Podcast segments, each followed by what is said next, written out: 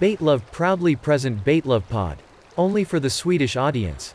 With Klaus and Matt. Alltså det är så bra att vi förfikar före vi ska fika. Åh gud, fan jag tryckte i mitt helt jävla paket mandelkubb igår.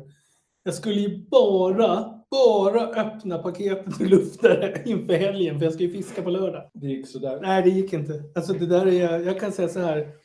Det finns få saker i livet jag är svag för, Claes. Vet du vad det är? Salt och mandelkubb. Mm. Men det här är tjockiskakor. Mm. Det var nästan lika bra som när jag tog realen. Gubbjävel. Jag minns realskolan.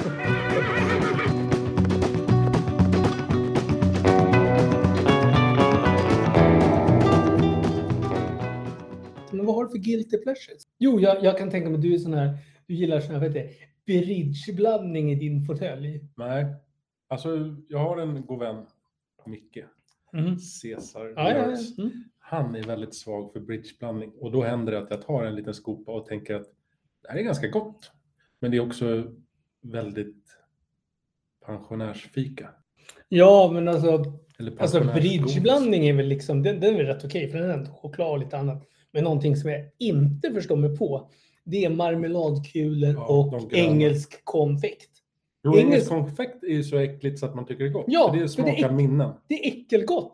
Precis. Det är helt rätt som du säger. Man sitter och bara så här, när ens, vet du, vad- blir det, mormor, morfar eller farmor, farfar? Exakt. Så här, det var det enda godis de hade hemma, så det var bara att förlika sig. Men de där gröna marmeladkulorna Mm. är också, skulle du säga så här, hej vill du ha en marmeladkula? Då hade jag sagt, de där är inte så goda, men jag tar en. Och så hade jag tänkt så här, det här smakar som hos farfar. Ja, och så suger man av det här sockret. Usch, vad äckligt. Och så lägger man tillbaka dem. Och sen när du kommer nästa Nej. dag kommer och tar dem så är det en hög. Det är liksom ett, Nej. det är ett väsen. Välkommen Mattias till ytterligare ett avsnitt av Baitlove-podden. Tack så mycket. Nej, men har du rätt ut vilket avsnitt det är nu? För vi hade lite diskussioner om det här, du och jag. Ja, jag skulle säga tre. Oj, hur kom du fram till det nu? För nu var det väldigt spot on. Ja, men jag tänkte över det här. Första avsnittet räknade inte jag som ett avsnitt. Det var Nej. mer en, en intro, en trailer. Mm. Och sen kom avsnitt ett, sen kom två och nu tre. Det är lite Ja. så här kronologisk ordning. Precis. Känns jättebra och kul att ha dig här. Ja, det är trevligt att få vara här. Du har dragit på dig lite skägg kan jag tycka. Ja, lite orakat. Alltså det är väl ett, det är slutspelsskägg. Det är ju snart julafton. Nej, det är inget slutspelsskägg det där. Vad är larvigaste slutspelsskägg? Och det är skönt att du skrattar hjärtligt nu. Nu var det ingen larm. Nu bara, det där är ingen skägg. En bra start kan man säga, men du är lite skäggigare än vad du brukar vara. Ja, det är Och väldigt fin frisyr. En ganska fluffig, fyllig frisyr. Potent. Potent. Det, det är faktiskt bra ord. Ja, men det, det är lite för att ni ska få en känsla av hur vi ser ut här. Jag har en liten trött frisyr kan man väl säga. Jag gör alltid så så att när jag går och lägger mig ser jag likadan ut när jag vaknar. Men jag, jag som faktiskt har sovit i samma rum som Mattias, i samma säng till och med. Ja, det har vi gjort några gånger. Vad var det? Sportfiskemässan? Ja, sen har vi sovit i ryggen tror jag i samma säng också. Ja, men det var inte då. För det var, jag har en bild som vi kommer lägga upp i sociala medier. när, Jaha, jag hittar, inte den! Alltså min... min... när du säger att du ser likadan ut när du går och lägger dig som, som. Mattias har en av de frodigaste frisyrerna. Det, det ser volymigt ut, om det är ett ord.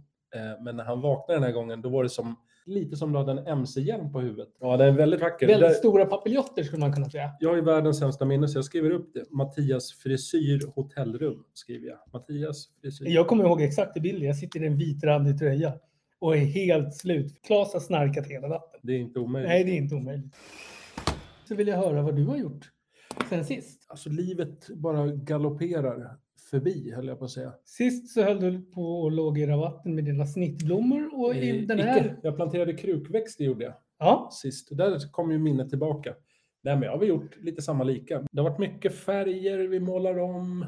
Det är mitt liv just, just nu är det mitt liv. ja. Färger, jag älskar färger. Ja, jag såg någon färgkarta du la ut där. Det var väldigt... Ja, det är ska jag säga färg- så här, det är färgprover. jag- det, var ingen, det, var Färgprover. ingen, det var ingen färgexplosion. Det var lite mer det gick från grått till grått. Ja, grått till beige. 50 shades of grey. Ja, och beige. Det är ju lite det vi går. Men det finns även lite vågade färger där. Jag tycker mer det låter som att ni går lite mer åt gäddigt, vassigt och eh, lite... Grönt finns med. Mycket sportfiskefärger. Ja, grönt finns med. Jag tror att han som målar då är väl en god vän till oss båda. Ja, Eller till mig då också kan jag säga. För du vet ju vem det är som målar hos dig. det vet jag. Rogert. Rogart är en väldigt trevlig målare och vän.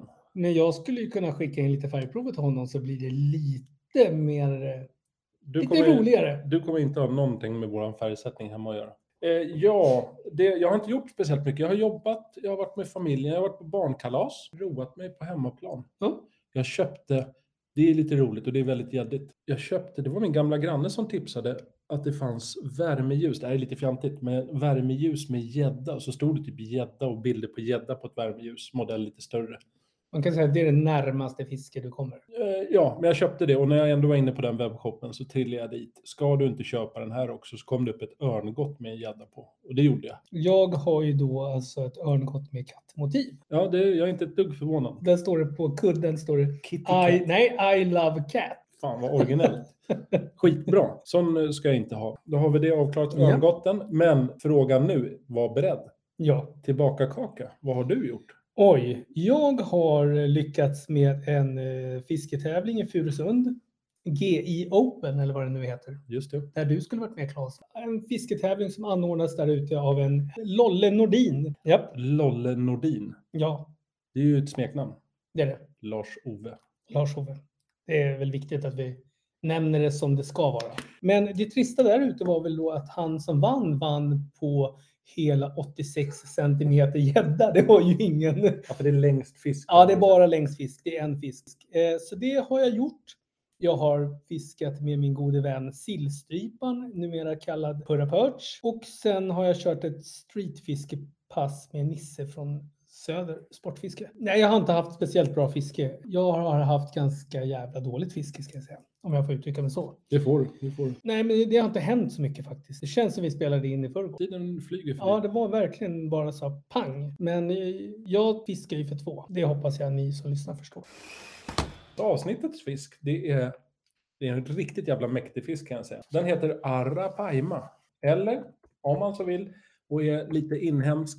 Det är en syd, jag kan avslöja redan nu att det är en sydamerikansk fisk. Arapaima gigas, eller i folkmun pirarucu. Lite aggressivt ska man uttala det, har jag läst mig till. Oj, nej men den här är ju lite... Nu ser jag faktiskt, jag, slog upp den precis på, på, Interwebs. på interwebs och jag kan säga att jag tycker att det här är väldigt likt en Ja, alligator gar. Ja, ja, lite grann. Men, Men men, ingen, inte den här käften utan den är ju liksom... om du fokuserar på huvudet. Ja, det var det. Det är en surmun här också. Ja. Känner du någon känsla för någon, jag ska inte säga skandinavisk fisk, men någon som finns i våra vatten? Ja, men det här är ju lite åt... Eh... Jag ser gös. Ja, men du, du har helt rätt. Yes. Gös, den ser lite gösig ut i facet. Den kan även, du vet det finns, nu vet inte jag vad den heter, i, en lax. Du vet sån här som har en puckel. Ja, ah, just det. Okej. Anabola laxen. Det kanske inte är det rätta latinska namnet, men den är ju lite lik en fisk på anabola. Jag tycker i alla fall att den är väldigt, eh, vad ska man säga, en liten stor pussmun. Mm. Det har den. Ja. Ja, ja, den är respektfull. Söker ni på Arapaima och tittar på bilder. Det är en ganska hyfsat stor fisk. En två eller tre personers fisk för fångstbilder. Jag vet inte om man skulle vilja pussas med den, även om ansiktet och munnen är liten i jämförelse med kroppen. Nej, men det här är, det är, det är ju gigantisk fisk. Ja. Jag går och kollar en grej bara. Mm. Då ska Claes alltså gå iväg och gå ner i arkivet för att se om han hittar något mer matnyttigt om Arapaiman. Jag kan säga så här, jag hittade en sak i gömmorna medan du var borta. Det finns ju nämligen så här att man kan köpa Arapaima cowboy boots, såg jag nu. Med nikotinolja på. Ja, så att de är sådär så att de känns eh, lite som att det är en gammal eh, dam som har stått och rökt över fläkten alldeles för länge. Och du har rökt inne. Du får det som att det skulle låta så här positivt. Att Nej, det vet jag inte, Jag tror att det är bara lite så macho, att det är nikotinolja. Du, du menar att inrökt Britt brun. Inger inte haft dem där på sig? Jag tror att Britt Inger skulle nog inte ha råd att köpa dem där. 605 US dollars. Det är mäktigt dyrt. Jo, det jag skulle säga. Ja. Den är en äggläggande munruvare. Har den äggen i munnen och ruvar? Nej, det tror För jag det finns ju inte. sådana fiskar som gör det. Du gör inte det. Vi kommer komma lite till det här som vi kallar för fortplantningspunkten. Ja, Liggeripunkten. ja just det. Just det, just det. Tinder för fiskar. Exakt. Eh, det jag kan nämna, några Mm. korta punkter, det är en av de största sötvattenfiskarna i världen. Ja, det kan jag tänka mig. För att de här bilderna man ser, de är, det Wow. är ingen blygsam fisk. Nej, Förutom skon då. exakt. Ja, Arapaimans skor. Den har ju fyra ben. Det har vi glömt att säga. Nej, det har den inte. Obekräftade, väl märkt nu Mattias, obekräftade uppgifter. Eh, Så det är inte helt säkert, men det snackas om att den kan bli upp till 4,5 meter. Åh Jag tror inte det är jäklar. jätte, jättevanligt idag, men Nej, men det finns en bild här med två kvinnor som håller den här arapaiman. Och då står det så här.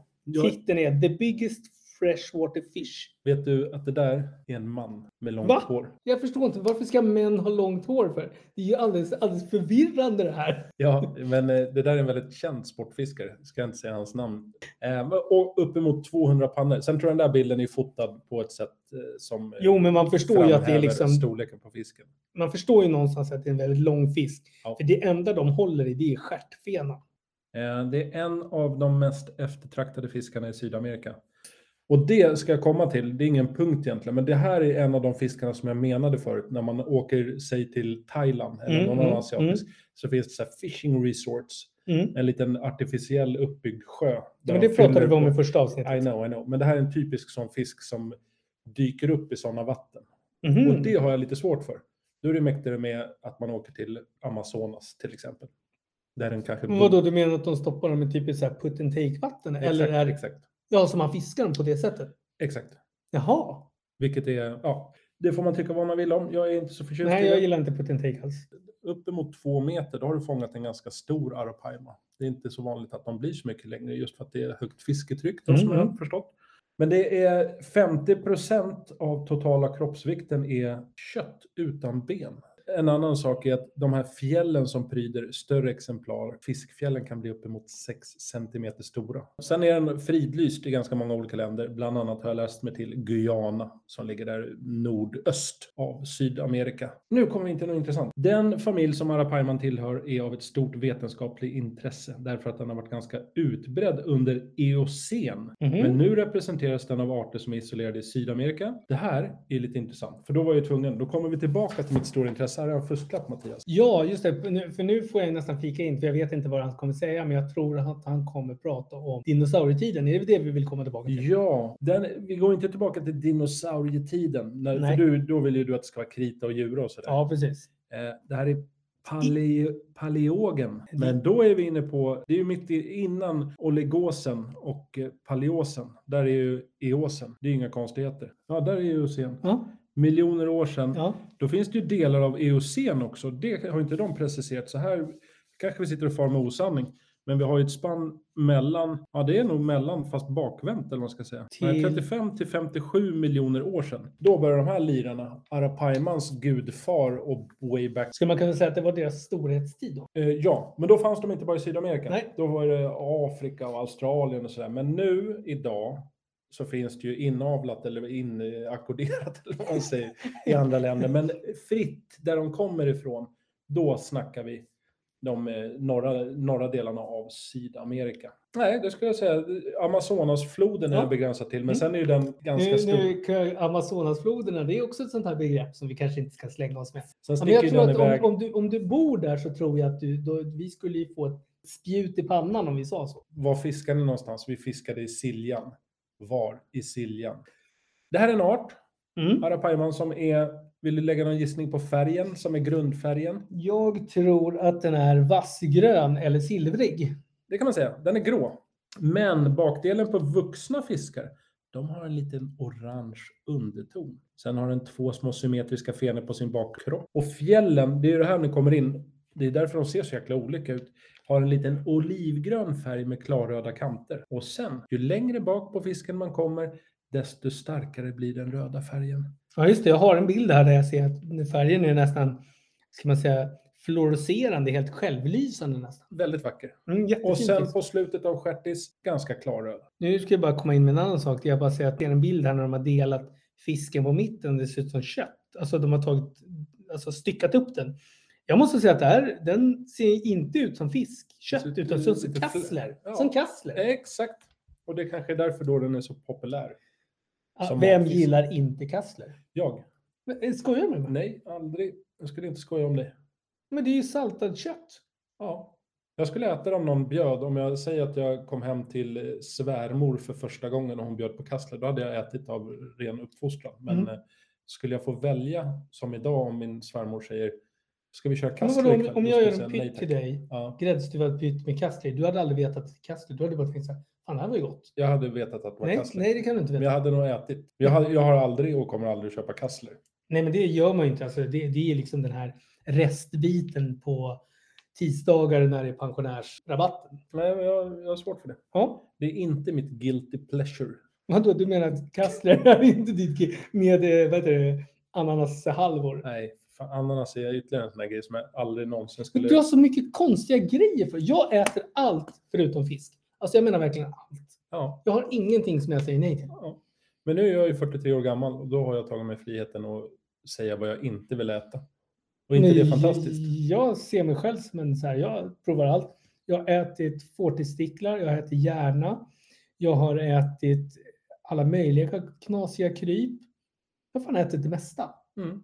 Jag kan säga att det kanske inte alltid gott. Nej, nej, men så är det väl med mat generellt. Men jag tänker så här, om jag inte är så speciellt sugen på fortistickel. Vet du, vet du hur det smakar?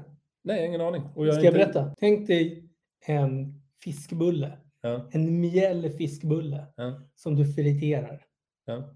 Så Det- smakar det. Säkert en upplevelse. Vet du inte om att det är liksom fårballer du äter, då ska jag lova dig att du kan tänka så här, det är som att bita lite i en mussla. Mm. Musslor gillar jag. Eller som en kammermussla. Heter de kammermussla? Va? Exakt. Mm. Men det du inte vet har du inte skada av är ju ett ganska känt uttryck. Men jag har inga problem med det. Men om du skulle bjuda mig på fortistickel, jag åt det och sa så här, men det här var ju gott. Mm, men gillar du oxkind? Nej, jag har inte ätit oxkind. Oxsvans? Nej. Nej, nej. Men vet jag om det och kan aktivt påverka vad jag äter, då skulle jag inte beställa Alltså, testikel. du kan inte äta donken hela livet. Men eh, jag är inte så intresserad av att testa så här, mina gränser. För du kan ju inte känna så här, fan idag, fredag, vad ska man äta idag? Äh, Gå och köp lite insekter och friterar. Men det är inte värre än att äta kräftor. Min poäng är att är du kanske i ett land där det är någonting man äter, då kanske Ja, jag har ja. provat för att det är så seden är. Men jag kanske inte går aktivt till Östermalmshallen och köper två hektar svartmyror tack. Ska jag en liten risotto. Har de det? Nej, vad vet jag, men man kan ju styra sin föda så att säga. Och apropå det, Mm. Kommer vi osökt in på Arapaiman. Vad äter den där lilla godbiten? Ja, precis. Då är det nämligen så, det här är, kommer inte som någon chock för de flesta som har sett en arapaima i sina dagar. Det är en utpräglad rovfisk. Det hade jag lite på känn. Och den äter bara levande byten, så det är ingen jäkla asätare som går och plockar saker på botten. Nej. Huvudfödan, det är fisk. Kanske inte helt otippat, men den baxar även fåglar, grodor, käkar lite olika däggdjur som simmar omkring så att säga. Ja, ja absolut. Jag Är man sådär stor, då behöver man energi i den där explosiva alltså kroppen. den här skulle ju kunna klämma en svan om det vore så. Ja, Utan några problem. jag vet inte om den där lilla munnen sätter lite pinnar i cykelhjulen. Jag tror inte att den kan baxa in, även om den är väldigt stor som fisk, så tror jag att, jag tror att den har svårt för en svan. Men en liten duckling som simmar omkring. Absolut. Nu kommer vi till något som är väldigt intressant om den här godbiten till fisk. Det är att den jagar oftast nära ytan. Då kanske du Mattias tänker, varför då? För att den behöver... Den är väl som en krokodil? Som en krokodil? Ja, men de dyker ju aldrig. De behöver ju andas hela tiden. Exakt. Du är, ja, ja, du tänkte konstigt i min värld, men du tänkte rätt. Ja, Och det är det viktiga. det är det viktiga. Det är nämligen så, den, är, den dunkar ner på djupet också. Men den behöver andas var tionde, var tjugonde minut. Den har lungor. Ja, eller den har en eh, luftblåsa, simblåsa Ja. ja. sagt, Mm. som tjänstgör som lunga kan man väl säga. Och då har den massa, massa, massa med blodkärl eller kapillär som sitter på den här godbiten. Och då måste den komma upp lite då och då. Eh, ligability på den här fisken, Mm. fortplantningen. Hur fortplantar den sig? Det vill jag veta. Man, eh, så här kan man säga att det är de små spjuv, spjuv, spjuvrarna Då menar jag de som är yngre än fyra år. Amberjacken var väl också könsmogen vid fyra år? Mm, kan stämma. Det här är 4-5 års åldern. Mm. Om det tvistade lärde, men Ja. där omkring. Och då är den här Arapaiman någonstans runt 1,7 meter. Ja, det är, det är stort. Det är det. Men då ligger de med varandra och befruktar varandra. och då väger den ish 40 kilo. När de är könsmogna och känner att nu är det dags. För, för, förra avsnittet pratade du om 80 kilo 190, att det var en slimmad fisk. Om det här är 170 på 40 kilo, då är det ännu mer slimmad fisk. Ja, det är en liten raket kan man säga. Sen, eh, här finns lite olika siffror jag lärt mig till, men några säger april-maj att de leker då. eh, Och troligen vartannat år. Så de kommer inte till speciellt ofta, de här godbitarna. Men sen är den säsongsberoende den här förökningscykeln. Så att de lägger sina ägg i februari sägs det.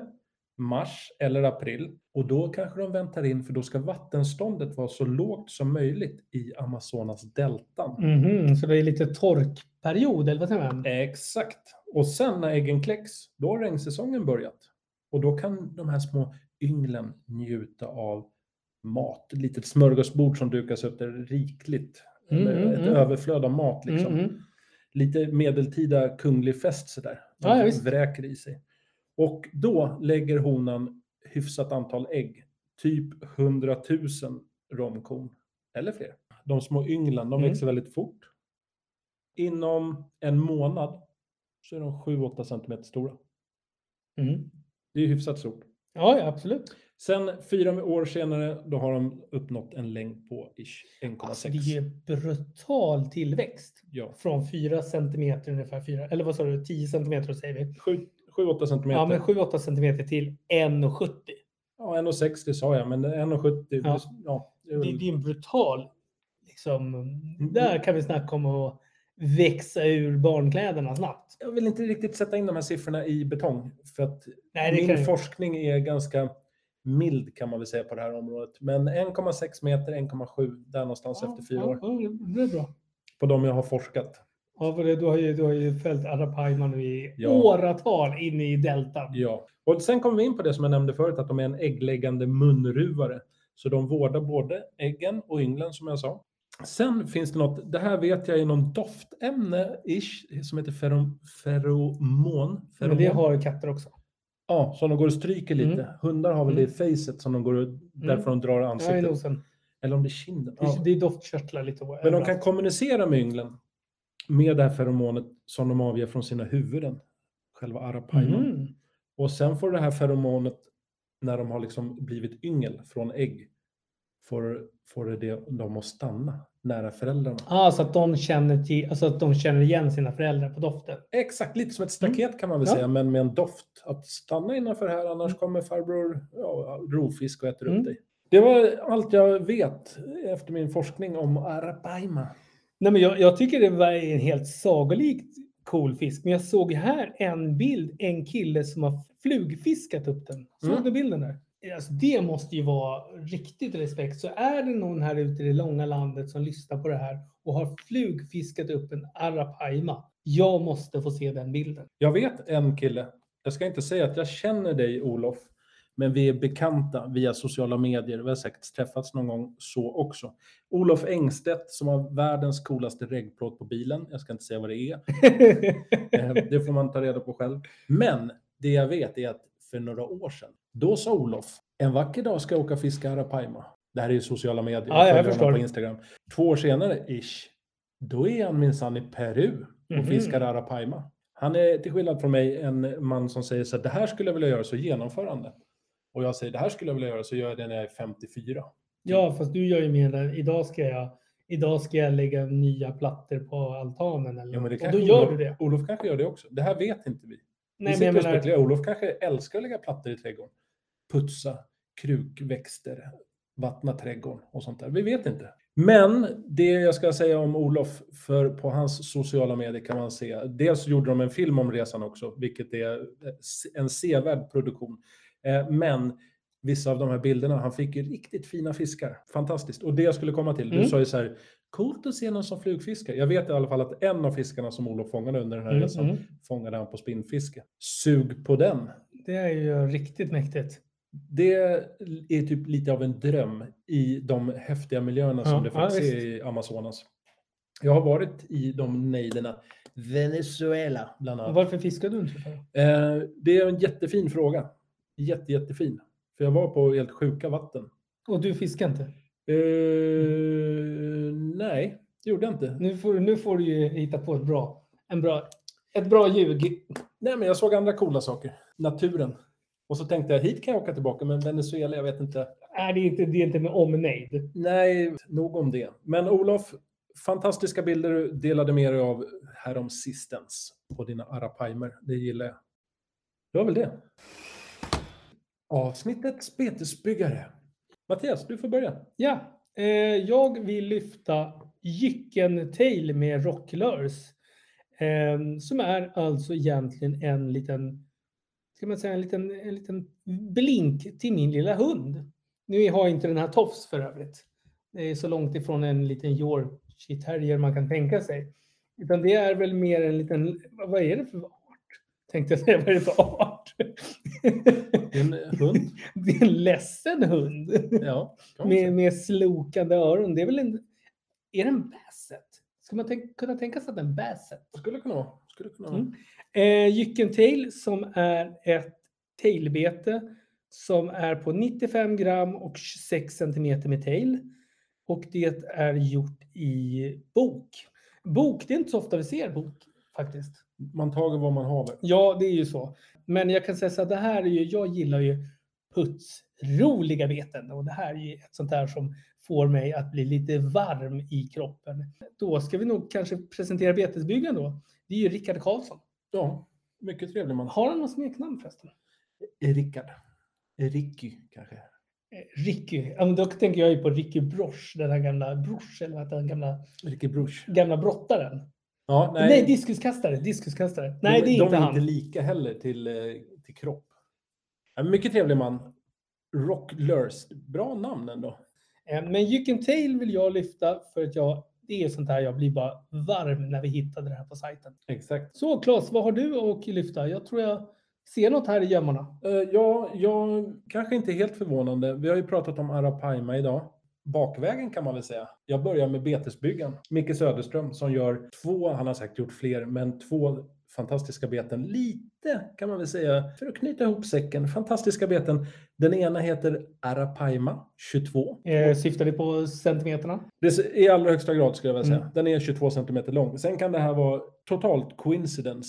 En tillfällighet att den heter Arapaima 22 och råkar vara 22 cm. Vad vet jag? Men det är ju våran gissning kan vi väl säga. Att, Ja, för vi vet ju inte hur lång Jycken Tailen är. eh, Alltså en svans, en hundsvans kan ju vara lång eller den kan vara kuperad. Ja, jo. Och Arapaiman i naturen oftast kanske inte är 22 cm. Eh, nog om det. Arapaima 22 mäter in då på 22 cm. Men jag vill ändå ha det sagt att det blir faktabaserat här, Mm. inga spekulationer. Eh, och väger 95 gram. Det är ett gummibete för övrigt. Ganska detaljrikt, ganska mäktigt. Och South Stream Lurs bygger de här. Micke Söderström smackar på den. Det är småländska beten. Då kan man ju tänka att det borde vara lite snålt på detaljer, men icke sa. Nicke. Ganska detaljrikt och eh, man kan ju nästan tänka att han har gjutit av en Arapaima, men nix pix. Handtält i trä, fina färger, spraymålat eller vad man ska säga. Eh, Med kabbfärger kanske, vet inte. Men just det exemplaret som vi har på Baitlove-sidan är väldigt autentiskt. Ja, jag vilja säga. Speciellt när du berättade om de här liten röda nyansen på fenorna och så, för det har han fått till. Den delen har han fått till. Ja, men skitsnyggt verkligen som bete. Riktigt coolt.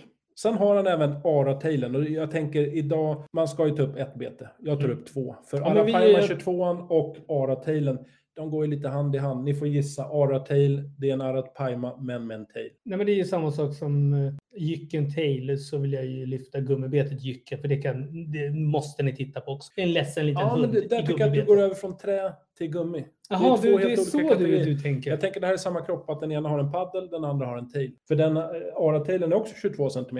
Coincidence? I don't think so. Men med tail 30 cm. Väger lite snålare. Paddeln väger så mycket alltså. 90 gram väger Ara-tailen in på.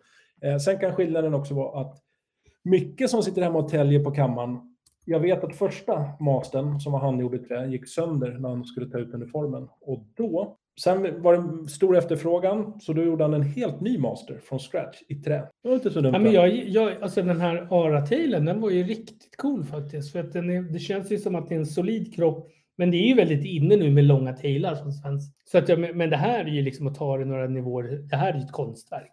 Det är inget snack. Det här är ju riktigt Ex. snyggt med fenor och allting. Exakt. Eh, Den där tailen, Mm. Ara-tailen, blev han ganska nyligen klar med. Men han började med modellen 2019. Den finns i fem olika versioner.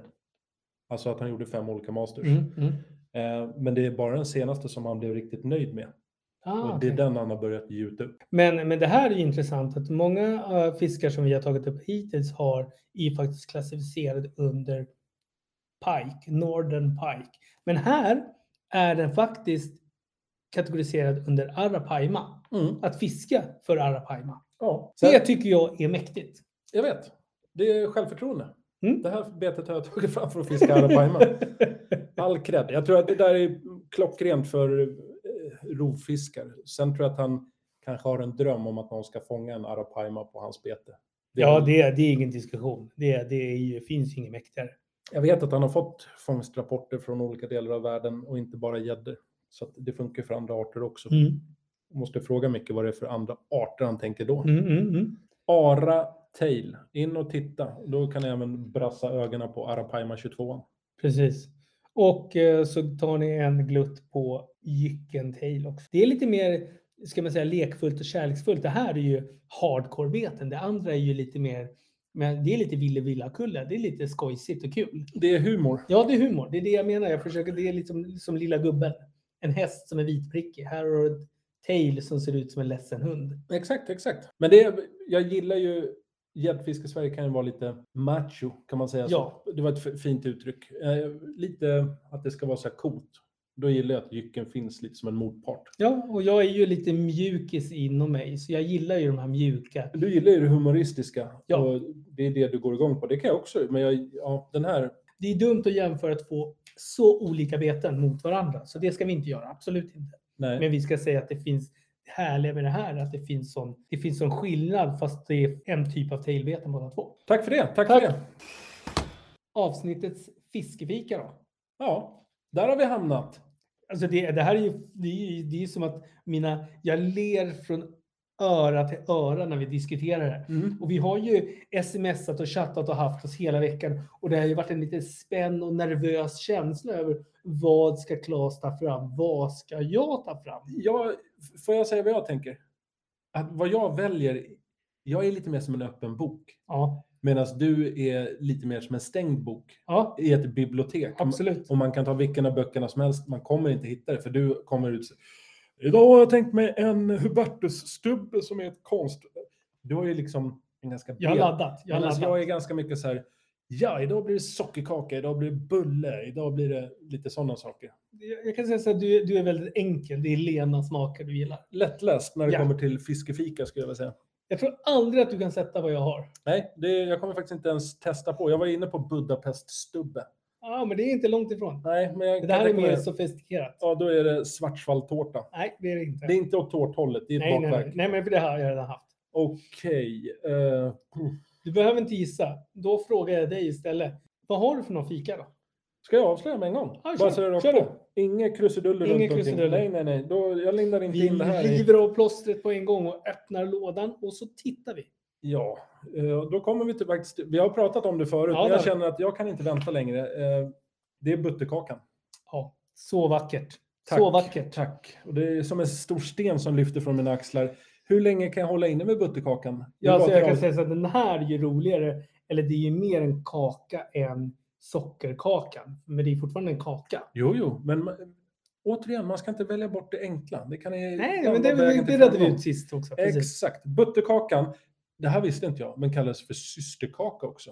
Och då har vi ett bakverk som består av sammansatta bullar, dock med något olika recept. Och det kan man ju Mhm. förstå. Mm. Men som jag tänker mig, då är det att man kavlar ut en deg, man fyller med lite fyllning och så rullar man ihop och skär i mindre bullar. Mm. Sen lägger man de här bredvid varandra i Mm. en cirkel, tänker jag men Man kan säkert göra olika former, men jag vill ha dem i en cirkel. Och sen jäser man, gräddar då hamnar bullarna lite fästa i varandra. Precis. Det finns ju både enkel butterkaka och så har vi butterkaka med vaniljkräm. Det som Mm. kallas för mormors hosta. Det Det är ju var så här det. små gula Ja, som ja, man ja. ser på wienerbröd och sånt Ja, där. visst, Exakt. Visst, visst. Eh, Och det är ju den butterkakan som jag, det är ingen jävla men det det enkel förstår. butterkaka, Det för då är det lite mer så här, hallå, här är en vanlig kanelbulle, nu sätter vi Ja, men det är som en längd. Det är som en rund längd. Nej, absolut inte. Det är som små bullar som sitter ihop. Nej, men jag menar om du hade utan, utan mormors hostan så blir det ju som en stor jävla kanelbulle bara. Ja, fast flera olika, Ja, jag eller vad ska säga. Men det är viktigt att vi målar upp en Ja, ganska korrekt jag. bild av det. Det Jag vill tycker inte jag. att vi bara sätter ihop det till en stor kanelbulle, för det är det verkligen inte. Nej, det är, då är det flera små öar som har växt och jäst ihop. så Exakt. Det är, så det är ju vaniljkrämen man vill åt. Och ibland är det även lite glasyr, alltså en sockerglasyr Mm, som mm, man ringlar mm. över. Och det kan jag tycka är lite överkurs. Men är det någon som envisas med här ska vi ha glasyr, jag köper det rakt av. jag tycker nog att jag vill ha glasyr på min butterkaka. Ja, och då ska du få det. Mm. Där tycker jag att där är du värd varenda butterkaka. Och så pärlsocker på. Kan vara. Måste vara. Ja, det är det nog oftast. Eh, Men om man kan baka själv så gör jag nog bara med vaniljkrämen och den här lite mer hellre pärlsocker än eh, glasyr faktiskt. Men eh, är, vem är jag? Komma här. Namnet butterkaka, här har jag googlat, det här är inte min kompetens. Det härstammar från tyskan. Ja, det kunde jag Det är- nästan tänka ja, mig. Butterkaka, Mm, det mm, hörs mm, nästan. mm. Men det kommer från Butterküchen. Jaha. Eh, som är i och för sig i dagsläget är ett helt annat bakverk. Det är en smörkaka som man bakar på en ugnsplåt. Men det jag ville komma till som jag tyckte var lite kul just om det här med Butterküchen, det är att den är beströdd med socker eller strussel som är en smulig toppning av mjöl, socker och smör. Ja, men för det har man ju när man gör heter det, apfelstrudel. Ja, Det men samma- det stod också i den här texten jag läste att det är ej att förknippas med strudel. Ja, det var det jag sa nu. Ja, exakt, men du sa apfelstrudel. Mm. Och, ja, men vi, måste, vi måste separera de här. Men butterkaka, det är Mm. det korta svaret. Mm. Jag tog det långa först och sen tog jag det korta. Butterkaka. Mm. Eh, jag tror att det är en vinnare, just för att man kommer åt det här essensen som jag var inne lite på. Sockerkakan, då får du skära av bitar, det är jag fullt medveten om. Men här kan du bryta av en hel bulle som du bara... Whoops. Så att egentligen när man, när man har den i båten så kan man ha, så det finns ju olika storlekar på den. Du kan ha den liksom i en liten matlåda, så kan du bara bryta en bit, sätta på locket, fiska vidare. Vi kommer inte ha den i någon matlåda. Jag vet att du gärna vill stoppa ner saker i små, när du sitter i din kajak. Jag, är- jag är ju praktisk. Ja, det är praktiskt. Men jag fiskar ju sällan från kajak utan det kanske med båt. Jag har ju med mig en påse eller en papppåse. Ah, ja, då, ja, då, då är och så tar man ut, bara stoppar ner handen, bryter av en liten eh, butterkaka där. Fördelen faktiskt där du har, när du har olika bullar så där i, i, det blir ju som att det är liksom, de är redan färdigperforerade. Själva, liksom, själva bakverket. Ja, För att i vanliga fall om du ska stoppa ner näven och bryta en sockerkaka så blir det bara klägg ibland. mm, Du får inga fina snitt och Nej. ibland vet du inte hur stor. Ibland har du brutit av halva. exakt. Ibland ska ju saker och ting få ta sin tid eller vad man ska säga. Men ibland, oftast om man får avgöra själv, så vill jag att det ska gå ganska fort när man fiskar. För att få så mycket fisketid som möjligt. Eh, lite kul, just för att jag är inne på det här med att det ska gå fort att äta Mm, när mm, man mm. fiskar. Eh, jag skrev till Matilda Lejon, Mm. känner du till? Ja, Hon la ut en... men ska vi säga för de som inte vet så är det en tjej som är sportfiskeprofil. Ja, men det hörs lite på namnet att hon är tjej. Matilda.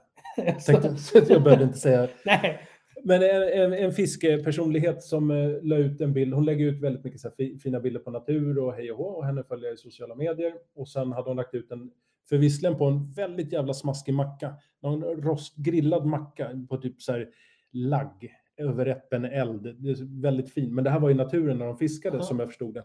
Och då skrev jag till henne att det tar för mycket tid. Bara som en privat liten sån här PM. Och då svarade hon, men oj vad du har missförstått livet. Så jag förstår ju att jag tar lite, kliver lite på folks tår när jag Mm, säger mm, mm. att det ska gå fort och sådär. Jag kan uppskatta det som Matilda lyfte också, att det ska vara gott, man äter med ögonen och att man får en inre frid och Men matupplevelse. det är ju, det är, det är ju bara din kategori i sig. Mat och fiske. Det har ju blivit jättestort att man ska så här, nästan köra tre rätter när man är ute och fiskar. Ja, alltså jag har full Mm. respekt för båda delarna och jag gillar att hon svarar som hon gjorde för att det beskriver ju hur hon är som person Mm. och jag beskriver hur jag är som person. Det ska gå, det ska gå undan om jag får bestämma. Mm. Och det är inte alltid jag får det och det är jag lycklig för. Så hade jag och Matilda fiskat och hon sa, ska vi ta fram laggen och brassa på en varm smörgås så hade jag sagt, gud vad trevligt. Och så hade jag njutit av stunden. Skrattar ju om någon annan gör det, men du gör det inte själv. Exakt. Mm. Exakt. Så, Bra. Alltså Mattias, ibland kommer du med de där, ja, men jag, jag, jag, jag, vet, Det är jag vet, jag vet. All respekt. Ja, men är det min tur då? Oh, jag är så spänd, för nu har du håsat det här så mycket. Och ett litet papper. Ja, Nu, nu, nu kommer lite gissningslek här.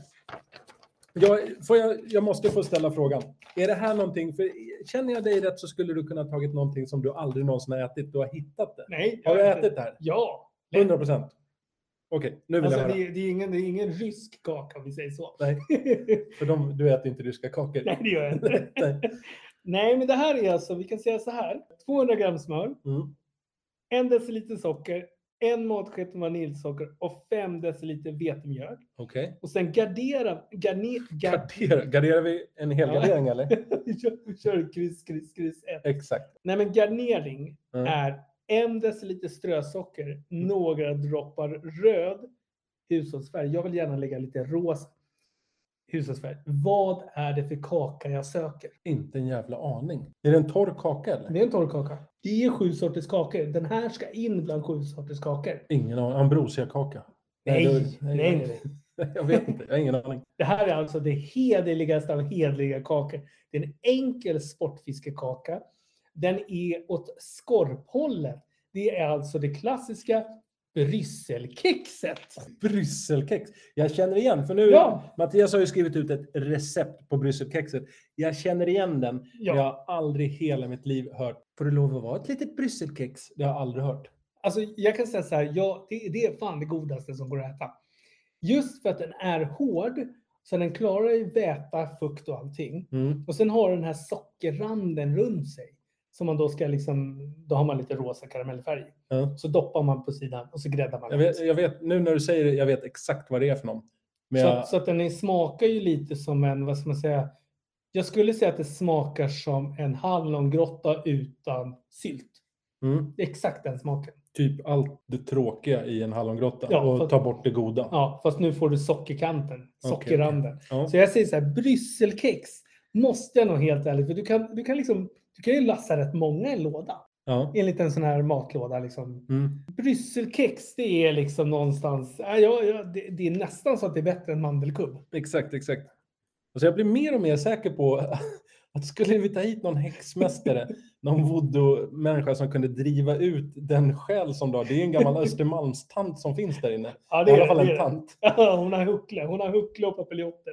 Ja, och en liten, en liten hund med tofs. Ja, det, nej, men det har jag ju. Så att, Jo, jag vet, jag vet, jag vet. Men det är skrämmande. Jag uppskattar i och för sig att du lyfter fram sådana småkakor, för det gillar jag också.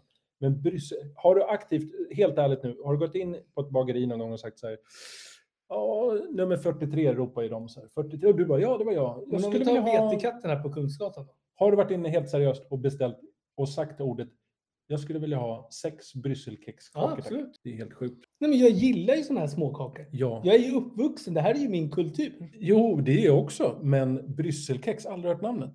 Har du inte? Nog om det. Men det som är fascinerande, det är att vi har känt varandra x antal år. Ja. Och jag blir fortfarande än idag, det är ju det som gör vår kärlek och vänskap så stark, Ja. att jag blir förvånad över dig flera gånger i veckan. ja, det är härligt. Nu blev jag ännu mer brysselkex, det är fantastiskt. Mer brysselkex åt folket kan vi väl säga. Vi skulle vilja göra ett litet shoutout om Sportfiskarna. Ja, absolut. Eh, och att man ska bli medlem. Eh, jag tycker det är skitbra som de har gjort nu. Förut hade de ju så att man skulle ju teckna per år och då var det så fruktansvärt bökigt att gå in på mässan och man skulle stå i kö och allting. Nu är det bara på autogiro och så går man in på Sportfiskarna. Och så tar man då och tecknar upp ett abonnemang och det kostar ungefär 32 kronor i månaden. Nej, det är faktiskt väldigt exakt. Det Inte var exakt. 32 kronor i månaden eller 410 kronor per år.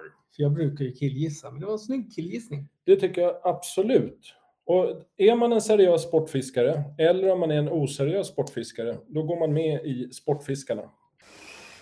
Då har vi kommit fram till det lilla avsnittet ett ord från våra sponsorer. Exakt. Och det är ju som välkomnande då Lundgrens fiskeredskap i Gamla stan.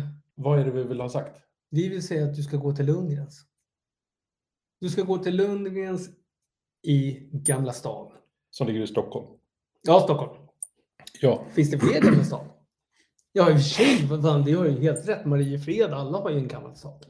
Visby, tänk, tänk, tänk om vi tar folk till Ringmuren, vad händer då? Mhm, mhm. Vad har du för adress då? Eh, brinken någonting. Skärmabrinken. Skärb... Ljunggrens. Det... Jo förresten, nu när vi samarbetar vill vi att ni byter om till namn till Lundgrens Sportfiske. Stora Brinken tror jag det var. Ja, Eller Kyrkobrinken, det är något Ja, sånt. det är... Storkyrkobrinken. Det var inte en siffra rätt. Fast vill vi säga adressen? Nej, nej, nej. nej. Lund, Lundgrens fiskeredskap. Ja, I Gamla stan. så i den kungliga huvudstaden Stockholm. Och då ska man väl gå in där. eh, Mycket trevlig personal ska vi väl säga. Eh, Jag skulle säga- genuint, genuint. Genuint härlig personal. Ett rikt utbud, vackra kläder och kanske den mäktigaste skylten utanför butiken. Ja, på någon sportfiskebutik skulle jag vilja säga. Alltså det, det är väl inte, det är väl, det är väl ganska, man har hög skjortkrage när man har alltså en flötesmetad gädda som vann i tre meter utanför. Det, Exakt. det är väl ingen diskussion. Jag tycker den är mäktig. Ja, det, det är fan inte många som har det. Eh, det vet jag inte. Jag tror att det finns något amerikanskt. Den här, eh, jag ska inte nämna kedjans namn, men en stor kedja i USA som har en massiv gädda Det utanför. är en mask. Det måste ha en mask. Ja, det är en maske, ja. Och där blev det helt crazy. Men då tror vi ju att Lundgrens som startades 1892 92. måste vi faktiskt, det kan ju vara så att det är en hommage till Lundgrens, det de har gjort. Exakt. In och kläm och känn på Lundgrens grejer. Det är en resa i tiden. Från det nyaste nya du kan tänka dig till fina äldre saker. Det är fan en upplevelse att gå Ja. in i butiken. Det är en, eh, man ska säga en, det är en tidskapsel. Ja, Mm. både och. Nytt och fräscht möter härligt eh, dekadent, höll jag på att säga. Det låter nä- nästan lite negativt. Men trevlig personal, skönt utbud och fantastiska kepsar. Tack för oss. Tack för oss. Avsnittets mail har vi kommit till och nu är det så. Nu är vi inne på avsnitt tre Ja, precis. och senaste veckan har inte kommit in några mail. Nej, ingenting. Så det enda jag har fått är reklam. Eh, Men vi ser fram emot nästa avsnitt då jag hoppas att ni skickar. Ni kan skicka, gör så här. tpf.baitlove.com Skicka ett mail. Vad har vi glömt att ta upp i det här avsnittet om Arapaiman? Är det något vi har missat? Och vill man inte skicka privat till honom så går man in på Baitlove Baitlove-podd. Och så finns det en liten knapp där man skickar in. Exakt, men jag tänker att jag är ändå väldigt tillförlitlig. Någon känner ett förtroende, vill ställa frågor Ja, direkt till mig. Det tycker jag är helt rekorderligt. Åh, vad fint. Åh, vad fint. I slutskedet av detta avsnitt, Mattias, så ställer jag frågan till dig. Är det någonting som du vill ta upp? Så här är det, när man är ute och sportfiskar, och det måste ju du hålla med om Claes, Ja, det håller jag med om. så är det så här, ja men när du fiskade med, innan vi skiter i liksom husbyggen och, Ja, ja, ja. och blöjbyte och allt det där, men, men när du fiskade aktivt mer, hade du någonting där du kände att du hade så här, jag måste ha de här kläderna eller liksom en typ av vidskepelse? Som du så här, ja men jag måste ha, säg jag måste ha den här kepsen eller jag måste ha det här. Hade du någonting sånt? För annars går det dåligt. Ja, men annars går det dåligt, annars jinxar du hela, hela grejen du gör. Nej, det, det enda jag vet, det, har, det är inte alls det du frågar efter, men jag har en sån här vanlig tång, en lång jävla tång, Mm. som är böjd längst ut. Jag måste typ ha med den. Det är väl det enda som jag så här, får lite panik om jag inte har. Ja. Eh, Men det har ingenting, missar jag det, men bara att jag har en bra tång, annars får jag lite, känner mig naken. ja, jag, och jag menar nu mer lite så här, jag har ju det, det klassiska så här, om jag inte fiskar i min gröna flanellskjorta får jag panik.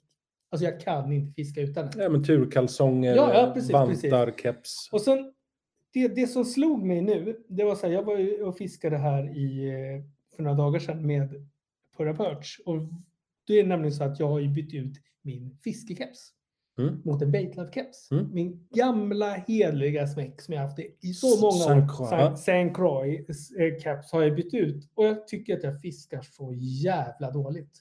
Så att jag fiskade med Purra Perch då och han hade väl 17 fiskar och jag hade noll på typ halva dagen. Och sen på slutet så fick jag några fiskar. Men jag hade inte min turkeps. Exakt. Men det måste väl hända att du blir utfiskad fast tidigare? Nej, inte när jag hade den. Inte på det sättet. Nej. Alltså, det är mer som att man tappar självförtroende. Och då är det nämligen så här. Det är ju inte bara jag som tappar självförtroende. utan Jag har nämligen kollat upp då knasigaste sportstjärnorna som har faktiskt sina egna små, vad ska man säga, skrock eller vidskepelser. Mm. Mm. Och då är det nämligen så här. Eh, jag kan ju börja på, det är en lista på 1 till 5 då, så ska du få höra. Serena Williams, du vet tennisstjärnan. Ja. Hon har nämligen så att hon har samma strumpor genom en hel turnering. Mhm. Annars funkar det inte. Och det är ju samma som där med keps eller skjorta. Man, liksom, man kan inte byta. Wayne Gretzky. Han har då att han måste klä på sig kläderna i samma ordning. Ja. Det är ju många i den branschen, även Ja fotbollsspelare. men precis så här. Det måste knäppas, det måste låsas, det måste göras här. Ja. Sen har vi då Brian. Han är då alltså en NFL-spelare, stor kille. Mm. Han måste äta chokladkakor. Tre stycken chokladkakor innan varje match. Jag fattar. Björn Borg har ju då samma randiga skjorta. Det är därför han har samma randiga skjorta på varenda jävla bild. Har han det på alla tävlingar? Eller när han var verksam? Liksom? Ja, när han var verksam. Och det slog mig, för jag satt och googlade igenom och kollade lite och bara, fan det stämmer ju. Men den roligaste är en kille som heter Lyoto. Jag, ska, jag kan inte ens uttala hans namn. Men han är fotbollsmålvakt. Och han kissar på målstolparna varje gång inför match. Men det är ungefär som att Claes, du skulle kissa i planområdena varje gång innan ett pass. Mm. Det låter helt orimligt. Nej, men jag säger så här, är frågan är äckligt eller inte, men, men säg att du får för någon gång. Och det är det här jag menar med skrock som är så intressant. Hur kommer jag på att det är kepsen jag måste ha? För det kunde ju lika bara varit, tänk dig då kläder du har på dig. Eller tänk dig saker du gör inför Mm. fisketur. Mm. Det är ju rätt många saker du gör. Att jag just fastnar vid kepsen eller att den här personen jag precis tog upp till att så här, bara för att jag kissade nu vann vi. Det kunde ju ha varit 40 andra saker som hade gjort. Jag tror det är lite personlighet. Antingen så man, har man en fallenhet för att komma på sådana saker. Jag tror, jag tror att det bara är slumpen som gör att du inte fick Purra Perch utfiskade dig. Ja, men om jag säger att jag kissar i din planlåda och så kommer jag på att jag drar ju liksom en 5 kilos abborre och en 47 kilos gädda. Då måste jag ju åka hem till dig och kissa i planlådan varenda gång. Nej, men jag menar bara så här, det här skrocket, jag kan inte förklara vad det är. Det enda som jag inte köper det är så här bananer i båten som folk håller på med. Det är, det är bara trams. Du, Men, men kissa på målvaktsstolpen, det köper jag till 100 procent. Men, men jag har ju lite också så att alltså om jag köper kakverk så finns det ju bara en kaka jag kan köpa. mandelkubb. Så att jag har ju svårt att ta med mig kanske andra kakor. Alltså som brysselkex eller vad jag nu skulle testa. Jag, Jag är fascinerad över här. jag- det här. Jag är fruktansvärt fascinerad. Det här är någonting som har slagit mig ganska mycket. Så här, hur vi sportfiskare har liksom så här, hänger upp oss på saker. Ja, jo men det, är, alltså det ser man ju. Det har väl funnits ganska mycket trådar på Facebook och sådana där också. Nej, men om man säger, det är ju samma som vissa är så här, och det, det, det kan jag också hålla med om det här med att jag måste ha det här betet med mig. Nej. Jag kan inte fiska ut det här betet. Jag är mer praktisk. Alltså att jag måste, tången, glasögon eftersom man ser dåligt, men jag använder det inte till vardags. Men har jag inte glasögonen med mig så blir ju fisket därefter. Men det är ju inget som är skrockfullt. Nej, men det är lite jingsigt. Alltså, så här, om du inte har det här så kommer inte det hända. Och jag märker så här, så fort jag inte har de här grejerna, då går det skit. Det är som att jag tappar... Ja, men då skulle jag rekommendera dig att köra 10 pass till utan den där kepsen som är din favoritkeps. Så kommer du märka att, oh, men shit, jag slog en nytt PB utan kepsen. Alltså, det är bara tillfälligheter. Jag tror inte det är avgörande 17 gäddor hit eller 17 abborrar hit eller dit. Det har ingenting med kepsen att göra. Det var att du fiskade väldigt dåligt och put a perch outfished you man. Ja, men han har ju... Jag kan ju faktiskt eh, ha en rimlig förklaring. För han har ju nämligen emaljöga och i det emaljögat så har jag alltså en sonar så han kan ju så här skicka ut en, en, en blast och döda fiskarna så att de står still. Och det är så så han goja. får fisk. Eh, jag, jag vet inte vad jag ska svara. Du outsnackade mig. Jag blir speechless. Jag, Ja, jag vet. jag, jag finner inga ord. Jag finner inga ord. Men eh, vad har du för övrigt punkt då? Jag vill uppmuntra till konsumen, konsumtion, återigen. Ja, det tycker jag är viktigt. Nej, men för ens välmående så rekommenderar jag, det finns ju så här gamla skolplanscher. Jag äger tre olika på gäddor. Vad ska man säga? Hötorgskonst för gäddor. Ja, eller skolplanscher. Ja. Det är min rekommendation och bege sig till eh, ja, där saker säljs och leta upp en skolplansch. För den passar i alla hem. Det moderna hemmet, i sekelskiftesvåningen, men den ger en fantastisk inre frid. Jag blir glad varenda gång jag ser den i mitt hem. Mm. Så det är mitt tips. Köp konst, gärna gäddbaserad konst till era hem. Nu när vi har avslutat vårt lilla avsnitt så kommer Mattias antagligen springa iväg till Östermalmshallen och köpa lite kanapéer, rökt böckling, lite, Ja, det är fan gott. Alltså det enda. Tyvärr alltså. och så lite eh, brysselkakor och ja, Ja, ja, ja, men det är fantastiskt. men det är ungefär vad jag ska göra ikväll. Eh, vad ska du göra senare när du, efter det här? Eh, jag ska nog gå... Jag, jag vill ju hitta på nu och säga så. Jag ska åka hem och planera fiskeresa. Jag ska hem och eh, planera för elektrikern som kommer nästa vecka. Det är det jag ska göra. Vad är det elektrikern ska göra hemma hos oss? Vi får se. Vi får se. Spännande. Nej, men det blir mycket fiske den här helgen. Nu jävlar ska det gå bra med nya smäcken. Ja, vi håller tummarna. Det gör vi i hela Sportfiske-Sverige faktiskt. Tills nästa avsnitt, ta hand om dig. Ta hand om dig. Väl mött ute i Ja. vassen. Ja, men verkligen. Jag är långt in i vassen, så ropa efter mig. Hej då! Hej då! Available on all podcast platforms.